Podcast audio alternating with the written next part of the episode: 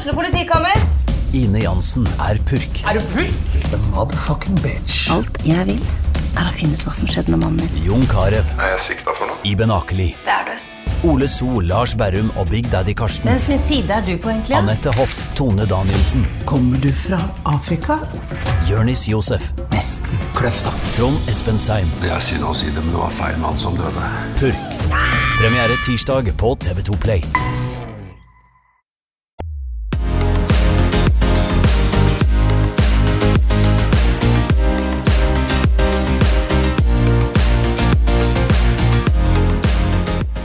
Det går, eh, Gunnar Mo? Generelt sett så går det veldig bra. Jeg ser stort sett optimistisk på livet. og har en fin jobb og bra familie og, og er opptatt av mye interessante ting. Så jeg må jo si at jeg har det bra. Du har nok å styre med. Det er helt sant. Eh, når jeg begynte å planlegge denne sesongen av, av denne podkasten, så var det første, første navnet på, på lista mi, det, det var jo du. Den første kontakta, det var du, og, og kanskje naturlig nok da, så den første som svarte, det var du. Men det er også den som har svart raskest så langt. Det er kanskje den gamle sprinteren som, som sto klar der. Hørtes bra ut. Eh, og, og grunnen til at jeg ville ha deg hit, det er jo det er ikke bare for at du har peiling på fotball, eller engelsk fotball må jeg jo da understreke, norsk fotball snakker vi ikke om i denne sammenhengen. eh, du er jo Bruce Springsteen-fan, så du har jo åpenbart peiling på, på musikk òg. Ja.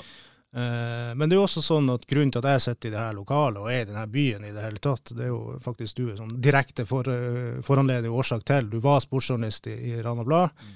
eh, Ble nyhetsredaktør i, i 2001, og da fikk jo eh, Rana Blad et akutt behov for en, en sportsjournalist, og det, det ble jo meg, da. Ja. Så forsvant du ut i, i industri, og, og eh, jeg har nå etter hvert blitt eh, nyhetsredaktør, som, sånn som du har, eh, har vært. Så målet mitt med denne podkastepisoden her, det er jo å finne ut hvordan går man fra å være sportsjournalist og nyhetsredaktør til å bli administrerende direktør i et eh, stort børsnotert eh, nordnorsk eh, selskap. Ja. Har, du- har du noe svar på det, sånn kjapt? Det er ikke naturlig, det er ikke en eh, naturlig karrierevei, nei, det tror jeg vi skal si. Nei, det er vel en, eh, en eh, som alt annet er gjort, eh, litt tilfeldigheter. En lang rekke med tilfeldigheter og um, ting som har skjedd i livet mitt, og andre ting som har gjort at man har eh, havna og eh, kommet i posisjon og fått en mulighet. Og så, så har jeg jo alltid vært sånn at det hørtes interessant ut, det her kan jeg ingenting om, så det prøver vi. Er det en kul jobb, da? Er det noe å anbefale? Ja, det er, en, det er en flott jobb. I en fantastisk fin bedrift. Det er selvfølgelig krevende. Det er jo en, Rana Gruber er jo en spesiell bedrift, da, også i Rana. Mer spesiell enn de andre industribedriftene. Eh, og så, så er vi børsnotert, så vi har vært gjennom store prosesser. Så det, nei, jeg stortrives. Eh, dra oss litt gjennom faktaboksen. Du er født i 1959. Det er helt rett. Er det noe i ryktene om at du er vefsning? Det er helt rett. Født i Mosjøen. Skjemmes ikke over det. Men, vi flytta tidlig fra Mosjøen, da. Eh, og det var ikke min avgjørelse. Jeg var tre og et halvt år. Ja, ikke sant? og da flytta dere til Mo, og så ble det nesten noen år, og så du tilbake til Mo da etter hvert. Ja, jeg bodde jo Mesteparten av oppvekstårene var jo på Mo.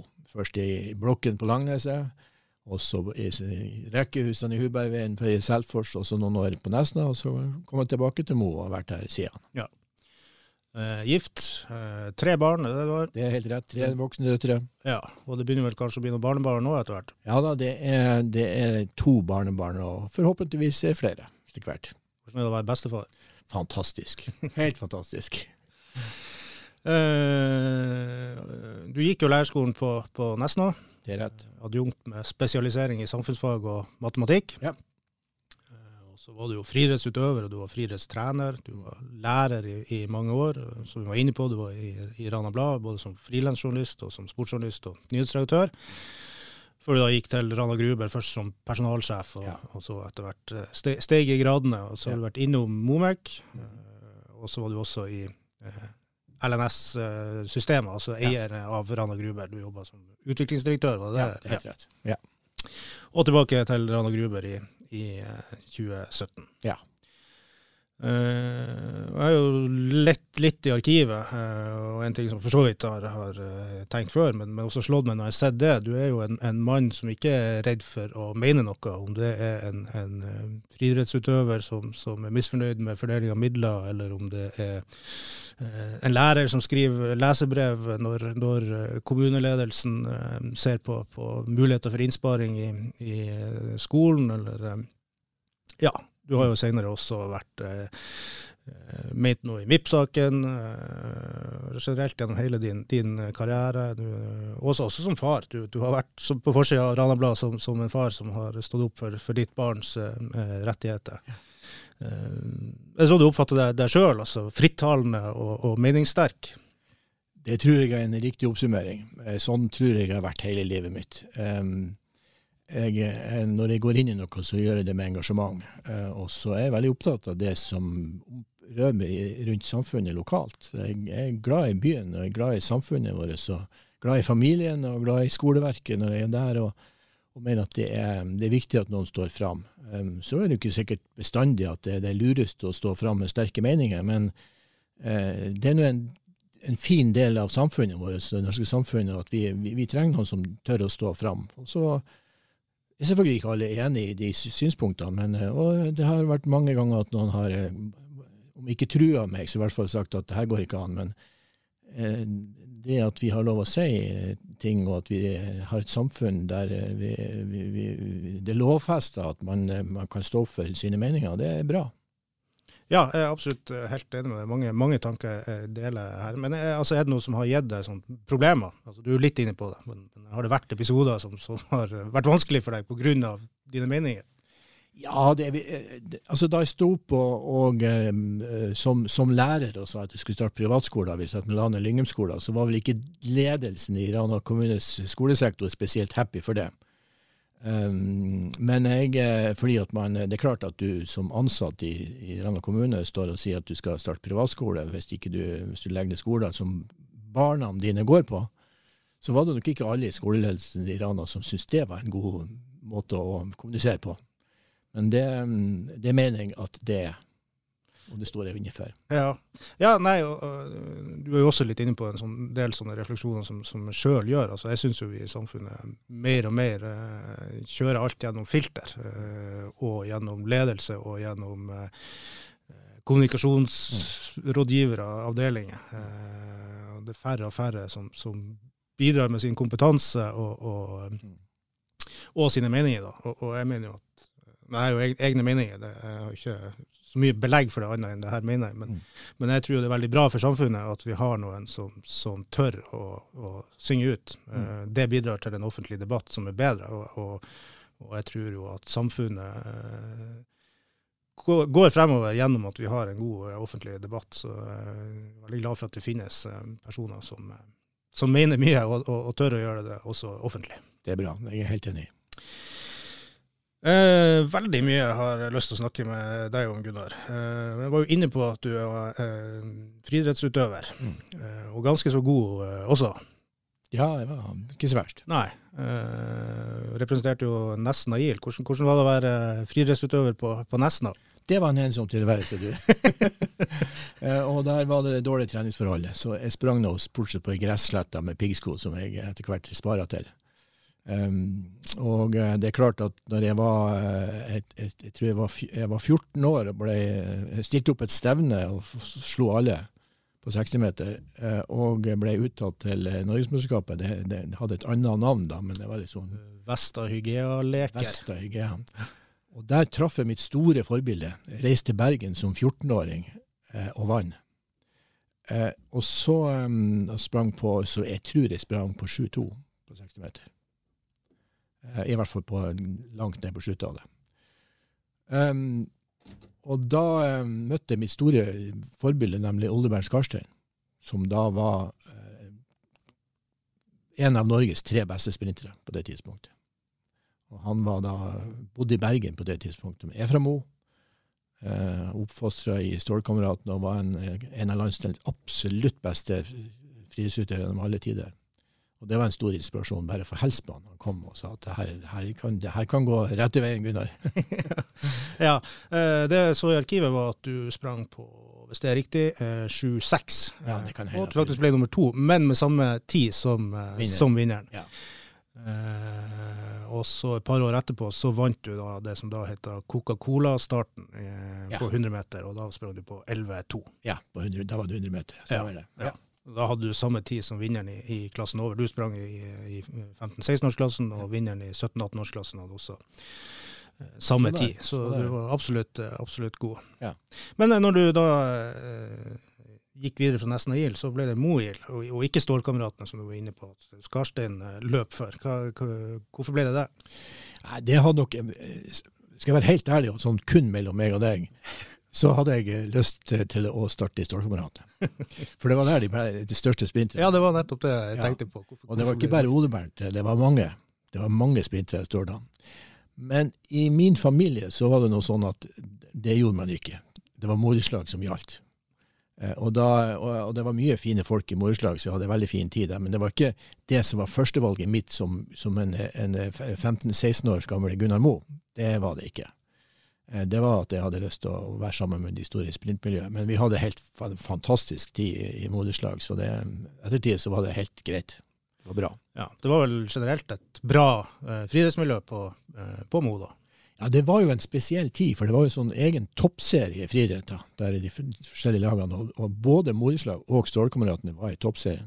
Og det var mange landslagsutøvere fra eh, Mo, eh, byen Mo, både fra Stålkameratene og, eh, og i Moreslag. Eh, både i spyd og 400 meter hekk med Torolf Krüger, faren til Karoline Krüger. Um, og Stålkameratene hadde, flere landslagsutøvere. Så det var, det var et fantastisk miljø. Så det var ikke noe problem å få inspirasjon. Nei, det vil jeg tro. Uh, hvor mye trente du altså, på 15-16 og på, på vei opp der? Hvor? Altfor lite. Akkurat det samme som eh, når jeg studerte. Studerte altfor lite. Jeg, jeg, hadde, jeg fløt nok veldig lenge på et stort talent.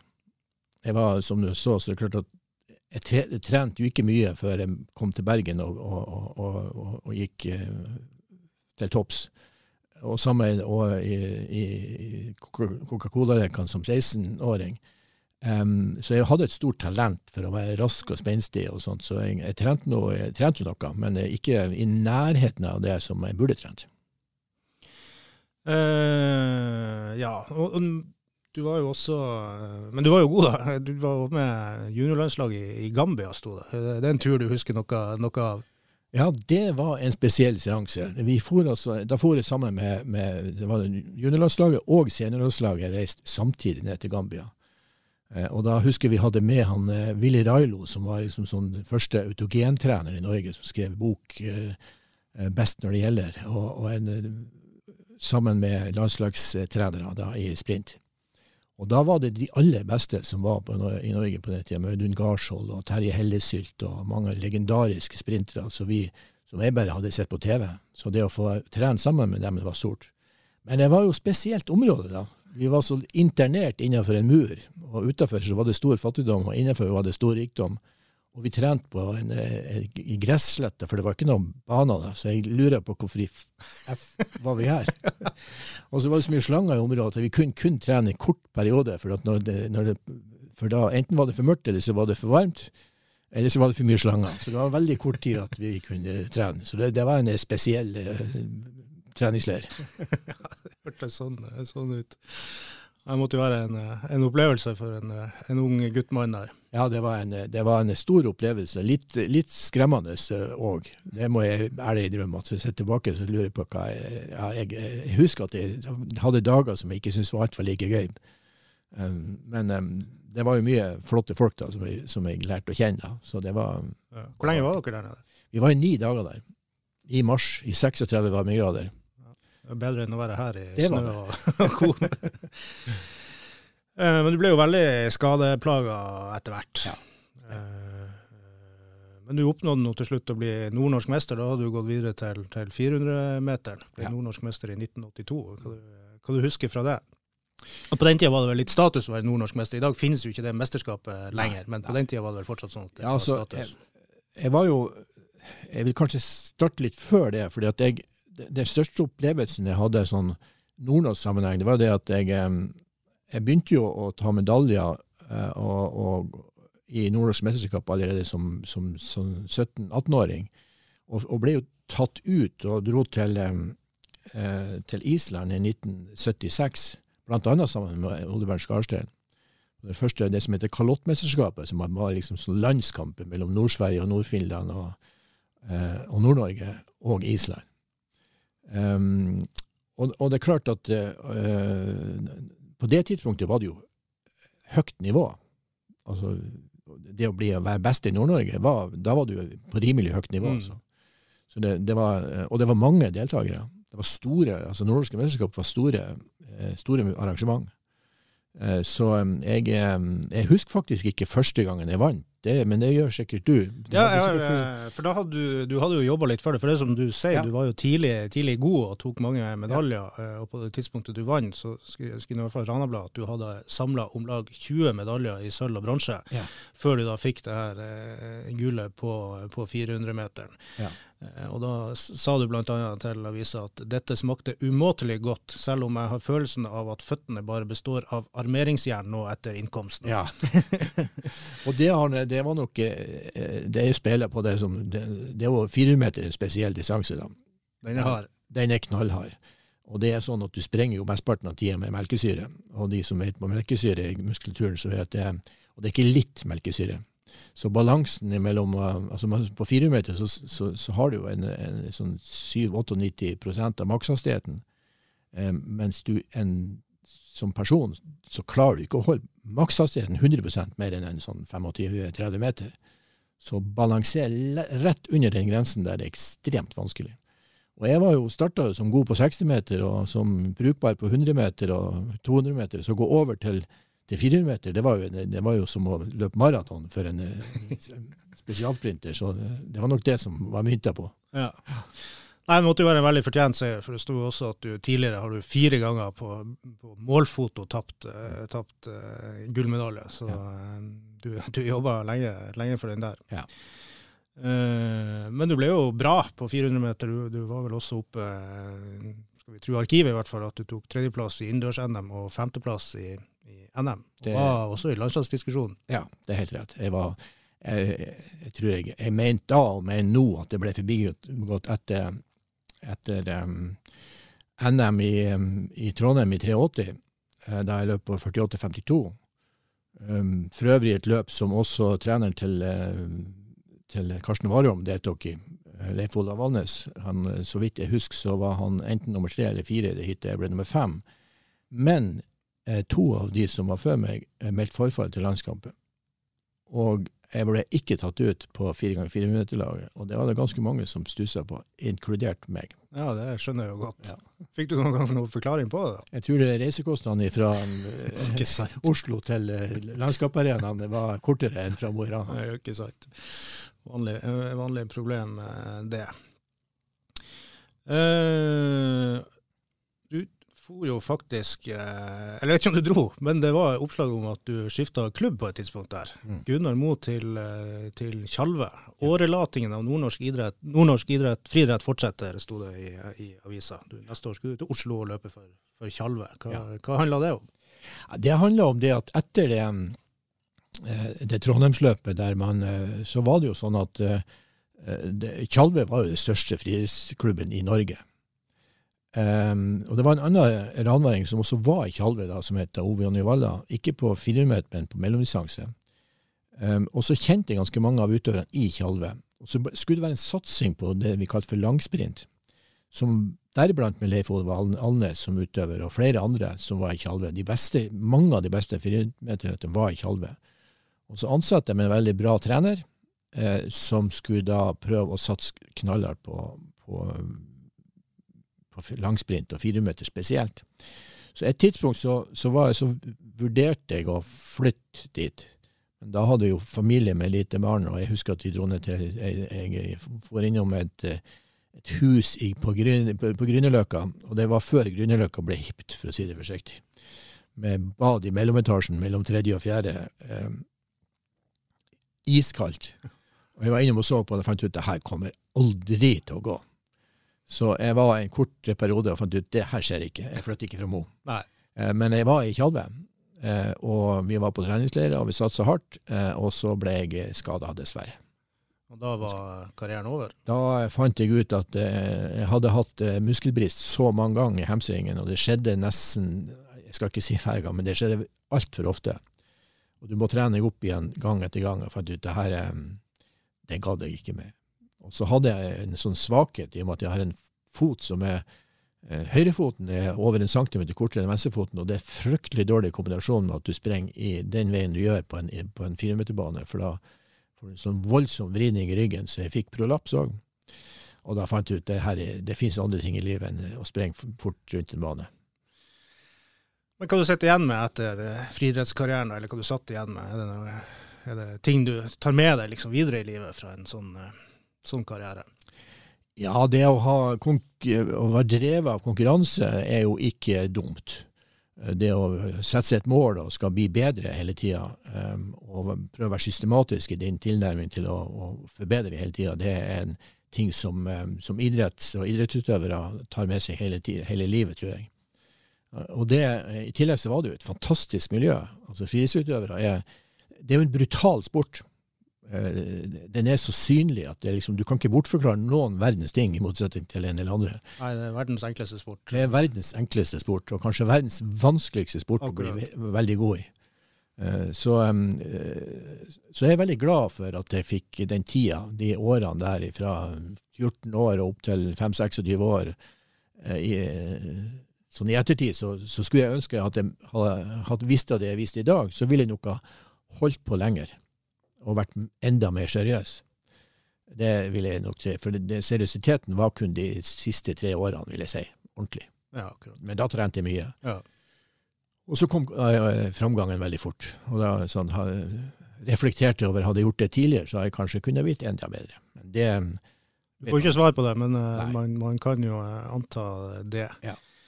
Uh, du har jo en personlig rekord på 200 meter, så vidt jeg kunne finne ut, på 22,15 eller noe sånt. Ja, ja. Fra Arvidsjaur. Det er helt rett. Ja da. ja, Var det gode forhold der? Ja, altså du, vet du, som utover i Nord-Norge så, så, var det Sverige og Finland som var flestparten. Det var, det var enklere å komme dit enn å reise sør i Norge. Og i tillegg så var motstand bedre. Så på den tida så var eh, Norge på ett nivå, så var det ett hakk opp til Sverige. Og så var det av og til så var Finland, i hvert fall like jo, av og til også litt bedre. Så du fikk Det var veldig bra konkurranse fort med å dra til Sverige og Finland. Så vi var ofte der. Eh, og så er du inne på at du var 48-52 på, på, 400 meter, ja. satt på Lerkendal. Det er helt rett. Eh, når karrieren var over, så, så bidro du jo både på, på leder- og på, på trenersida. Mm trener for de beste juniorene og seniorene i, i Rana. Og mm. ikke minst eh, Merete Myrvang, som ja. jo eh, eh tok NM-gull. Det var vel da eh, i lengde. Mm. Hoppa 6,33 i Mosjøen. Ja. Eh, og da var det eh, Ranas første NM-gull siden 1969. Mm. Hvordan, hvordan, var det å være trener for Merete? Nei, det var jo fantastisk. Og Merete var jo, var jo et enormt talent kolossalt talent. Eh, og, og hun Det hun endte opp med av personlig rekord, er jo fremdeles veldig bra. Um, nasjonalt og ikke, ikke helt internasjonalt, men det er ikke langt unna. Um, hun var også plaga med mye skader. Uh, talentet hennes var helt eksepsjonelt. Uh, så hadde ikke hun blitt så lett skada, så, så, tror jeg hun kunne ha nærma seg syv meter i lengde. Og så var hun flott dame. Ja trivelig jente som var alltid positiv og veldig trivelig å, å, å være trener for. Ja. Dere satsa jo mot OL i 1996, men det, det, gikk ikke helt? Nei, det gikk ikke. Og det, det er noen sånne ting som, som eh, livet gir deg. At det, man har et mål, og så når man ikke dit av, av forskjellige årsaker. Jeg er ikke godt du kjenner friidrettsmiljøet i, i, dag, men jeg mener å ha sett det rundt banen av, av, og til. Det kan kanskje være noen barnebarn som har vært i, vært i sving. Mm. Uh, men hvordan ser du på den utviklinga som har vært? Vi var jo inne på det, det var et stort uh, friidrettsmiljø, et, et, godt friidrettsmiljø. I dag er det jo for så vidt fortsatt ganske stort, men det er vel mer blant de, blant de yngre enn blant ja. de kanskje som, som satser veldig seriøst. i hvert fall. Ja. Vi var jo heldige med at vi hadde mange seniorer som var på høyt nivå, som inspirerte. Men det som har skjedd de siste årene i Rana friidrettsklubb, eh, syns jeg er helt fantastisk. Og det, nå blomstrer det jo. Så, så jeg, jeg, bruker også snikkikke litt av og til, og, både på løpsteknikk og andre ting som jeg bryr meg om. Men det er artig å se at det er mye folk på banen.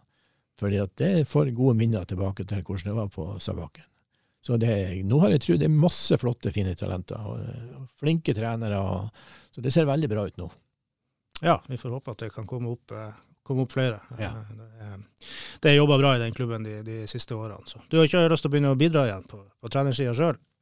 Det har hendt seg at jeg har tenkt litt, så- men, men eh, når tida går og du blir eldre, så er det sånn at jeg har alltid likt å være i en situasjon der jeg kan demonstrere det, sier hun.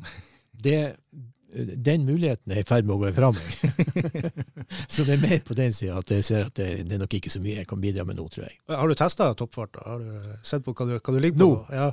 Eh, det, det, må være hver gang at jeg reiser meg fra stolen for å bli, bli forbanna på noe som skjer på en fotballbane, eventuelt. Bortsett fra det, så har jeg ikke testa. Jeg skal være veldig forsiktig med å bevege meg ekstremt fort. Det, det, det går nok eh, sakte, men eh, heller lenger nå. Ja. Eh, men nå har vi hatt en variert eh, yrkeskarriere òg, vi, vi var jo inne på det. Uh, Starta som, som lærer. eh, jeg har sett at vi i Randablad får litt sånn kritikk. Noen syns vi skriver for mye om, om eh, nyansatte, men jeg så faktisk at det var en notis i Ranabladet 26.8.1980. Gunnar Moe er tilsatt som fast vikar i Rana med fast stasjon ved Gruben ungdomsskole. Så det her er jo ikke noe nytt, det her har jo vært gjort i alle, alle tider. Ja. Men eh, var, det, var det lærer, altså det kjente du at du ville bli, eller hvordan, hvordan eh, havna du i den utdannelsen og det, det yrket? Altså, jeg er jo vokst opp i en lærerfamilie. Men jeg bestemte meg jo tidlig at det, det, i min familie så er det, en, så er det læreryrke og musiker. Musikk det liksom har vært en stått trend. Så det var en ting jeg bestemte meg tidlig for at jeg ikke skulle drive med musikk, og ikke skulle bli lærer. Nei, du, har en, eh, du har jo en bror som er en kjent musiker og, og komponist i, Ja. i Bodvar, så du ville ikke konkurrere med, med han. Nei, og så hadde jeg en far som var komponist og musiker og utøvende, så, liksom, så det, var, det var musikk overalt. Så det skulle vi ikke gjøre. Og det var søstera mi drev med musikk, og eldstebroren min drev med musikk, så det, det der skulle vi Du er det sorte fåret, altså. Jeg er sorte fåret, helt. Også der. så, jeg, eh, så derfor så gikk eh, veien mot friidrett og volleyball og diverse andre ting som jeg syntes var mye mer artig. Um, men, eh, men læreryrket det var nok mer en tilfeldighet. For når jeg var ferdig på gymnaset, så begynte jeg faktisk på Råjernverket. Ja. Og så fikk jeg en telefon fra Steinar Høgås, som var, som var rektor på Gruben ungdomsskole. Og så sier han Gunnar, der har ikke du noen ting å gjøre. Jeg trenger deg på Gruben ungdomsskole som vikarlærer. Så jeg sier at eh, det har jeg aldri gjort. Nei, men det kommer til å gå bra. Og så for jeg til Gruben, og så begynte jeg som vikarlærer, og så syntes jeg at det var jo artig. Ja. Så det var veien dit. Så fant jeg ut kanskje jeg skulle prøve å ta en utdannelse. Og så gjorde jeg det da etter hvert. Ja. Eh, og du ble jo mange, var du på Gruben hele tida, eller? eh? Nei, jeg var mesteparten av tida på Gruben. Ja. Men jeg var også i tre år på Båsmo ungdomsskole. Uh, Så de tre siste årene som lærer var jeg på Båsmo ungdomsskole. Ja. Så var jeg vel elleve år, tror jeg, på, um, på Gruben. Hvordan, hvordan var de årene i, i skoleverket? Fantastisk. Eh, Det å jobbe med ungdom, og kanskje spesielt eh, Nå har jeg ikke prøvd noe annet eh, enn de alderstrinnene, men det, det er jo alderstrinn eh, der det skjer ekstremt mye med folk. De, de utvikler seg til å komme til litt sånn store unger, til å bli sånn eh, små voksne i løpet av tre år. Og, følge og jeg likte å være klasseforstander og følge dem det løpet i tre år. Og det var jo helt fantastisk. Jeg stortrivdes i lag med har mange artige historier med, med de ungdommene jeg møter dem i dag, og syns det er fantastisk å se hvordan det blir. Men jeg syns de ser like gamle ut som meg nå. De, de første jeg hadde med. Nei, det var en fantastisk tid. Det ville jeg ikke vært foruten. Det var, det var det å være direktør i et lite selskap, eh, men å få folk med seg og jobbe sammen med dem mot eh, Det var mm, mange ganger krevende, eh, som livet kan være, men eh, veldig mye artig også. I dag er det jo mye sånn eh, snakk om ressurser, man må ta ned eh, pengebruken på, på skoler. Eh, hvordan, hvordan var det i den tida? Var det de samme diskusjonene? Vi har vært litt inne på det. Var det de samme diskusjonene, eller var det bedre tider i, i Rana-skolen da?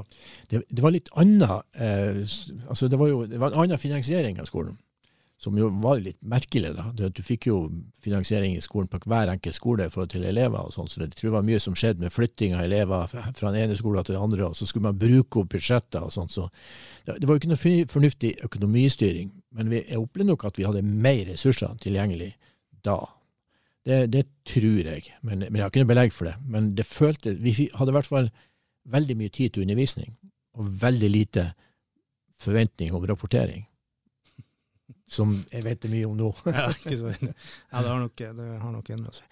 Eh, men du begynner jo etter hvert å, å frilanse for, for Rana Blad. Jeg tror det var 1991 jeg fant den første, første byline. Eh, Ja.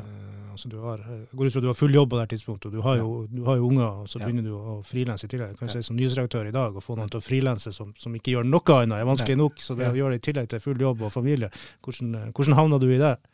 Ja, altså, jeg har bestandig vært sånn rastløs og hatt lyst til å holde på med noe hele tida.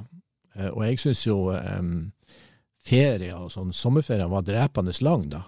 Eh, så jeg og tenkte at jeg må jo prøve å finne på noe annet å gjøre òg, altså. Eh, kanskje ved siden av, hvis det var en mulighet. Så jeg var jo sportsidiot. Um, fullstendig. Eh, og um, eh, på det tidspunktet så tror jeg den første som fikk meg inn til å prøve, det tror jeg var Ole Petter Solbakken. Eh, Og så møtte jeg Trond Isaksen ganske tidlig, og vi, vi, fikk, vi fikk jo en god tone. Og, um, og så prøvde vi noe forskjellig, og fant ut at det her var ok. Jeg likte det. Ja. Var det noen spesielle ting du, du jobba mye med, eller var du, var du overalt? Nei, jeg var overalt, og som da ellers i livet, så var det mye som jeg ikke har peiling på. Jeg husker første gang jeg var, skulle dekke sprangridningsstevne. Det må jeg si at det var en, det var en spesiell eh, seanse, for det, det skjønte jeg ingenting ut av. Bortsett fra at jeg var livredd av de store hestene.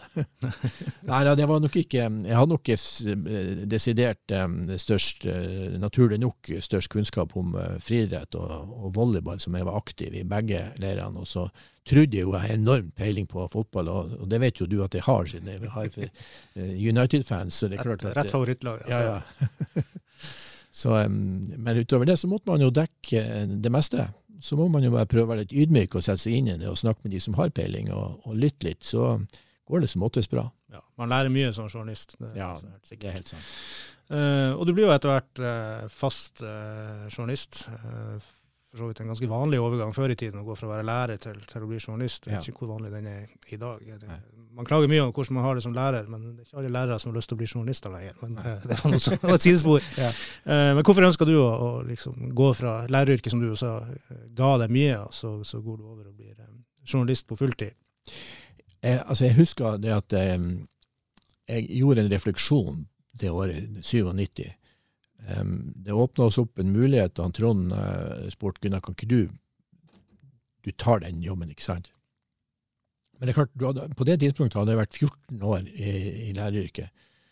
Og jeg opplevde det som veldig trygt og godt, og så trivdes jeg utrolig godt sammen med Men, men jeg hadde akkurat eh, gitt ifra meg en fantastisk klasse på Båsmo. Og så tenkte jeg hvis, at, hvis, jeg skal noen, hvis jeg skal forlate læreryrket og prøve noe annet, så var det å gi seg eh, på topp med en utrolig klasse som, som var borte. da. Skulle begynne på nytt igjen, så fant jeg ut at tja, la meg prøve. vet du. Så jeg fikk permisjon i ett år da, først. Og det føltes litt trygt. Og så tok jeg nå jobben, men så trivdes jeg veldig godt. Også der, gode kollegaer og interessant og veldig variert arbeidshverdag. Um, så eh, det var egentlig nysgjerrigheten, og tenke på at ja, hvis det skal skifte, så, må det, så det, er jo det, det er ikke sikkert det får sjansen senere. Så det var også det litt tilfeldig, men, men um, en veloverveid eh, vurdering av, av risiko. Ja, for så vidt han. Trond Isaksen som også kontakta meg og spurte meg eh, når du da ble nyhetsredaktør, Ja. om ikke jeg kunne komme sørover. Ja, blant annet så solgte han det inn med at Mo i Rana hadde de fineste jentene i hele, eh, fineste damene i hele landet. Ja, det er jo sant. Det er jo sant, og klart, klart jeg kom. Jeg trengte ikke noe betenkningstid. Jeg kommer til Mo i Rana. Uh, nei, men du ble jo nyhetsredaktør, uh, og da leder. Uh, hvordan, hvordan havna du der? Ja, det var noe det, også, det var jo noen som var for- foran meg som slutta, og så var det noe diskusjon om og Jeg husker at Kirsti Nilsen, som var redaktør, eh, snakka med meg. Jeg var jo, var klubbleder også på det tidspunktet. Eh, og så, så var det vel Ja, det var noen intervjurunder og sånt, men eh, det var vel noen som så at jeg kanskje hadde litt lederegenskaper. Så, men jeg var litt sånn skrekkblanda fryd, det skal jeg medgi. fordi at em, det å være nyhetsredaktør, og det mener jeg ennå, um, det er en av de vanskeligste posisjonene, lederjobbene, som finnes. For du vet at hver enkelt journalist er jo en direktør og en, i utgangspunktet, og vet best. I hvert fall gjorde de gamle journalistene det. Det var nok i større grad sånn før. Ja. Eh, det var mye sterke personligheter som, som, styrte. Og så skulle du nå være en, sånn, mellom barken og veien i forhold til kundene, dvs. Si markedet, og i hergrønt leserne, som hadde sterke meninger. Så du liksom du ble dratt ifra i alle retninger, og ble oppringt natt og kveld og helg. Så det, det, men det var en utrolig lærerik stilling å ha i en flott bedrift. Trivdes utrolig godt. Eh, men det var slitsomt. det, det var, Jeg var nyinstruktør i syv år, og det er, det er en tøff jobb å være i over mange år. Så, um, ja, det er jo en jobb som eh, kanskje spesielt på den tida og tidligere, som, som brente ut ganske, ganske mange. Så, ja. Kjente du noe på, på det? At, uh... Ja, det gjorde jeg. Det er Såpass ærlig skal jeg være. Det skal si jeg, jeg følte meg om, Jeg skal ikke si at jeg var i ferd med å gå på veggen, men jeg kjente at jeg var jeg var sliten og ble, tok med meg frustrasjoner hjem. Og ja, fikk høyt blodtrykk at jeg aldri tenkte meg jeg skulle få. Så jeg fikk lite tid overskudd til trening og sånt, så det, det, tok på. Det gjorde det. Men jeg ville ikke vært det foruten. Du har nå hørt eh, del én av eh, denne Kedegård-episoden med Gunnar Mo. Eh, vi måtte dele den i to, såpass lang ble den. Neste uke kan du høre mer om tida i Rana Gruber, hvor nært man var stupet, børsnotering og den suksesshistorien har vært de siste årene, og målet om å bli utslippsfri i 2025. Eh,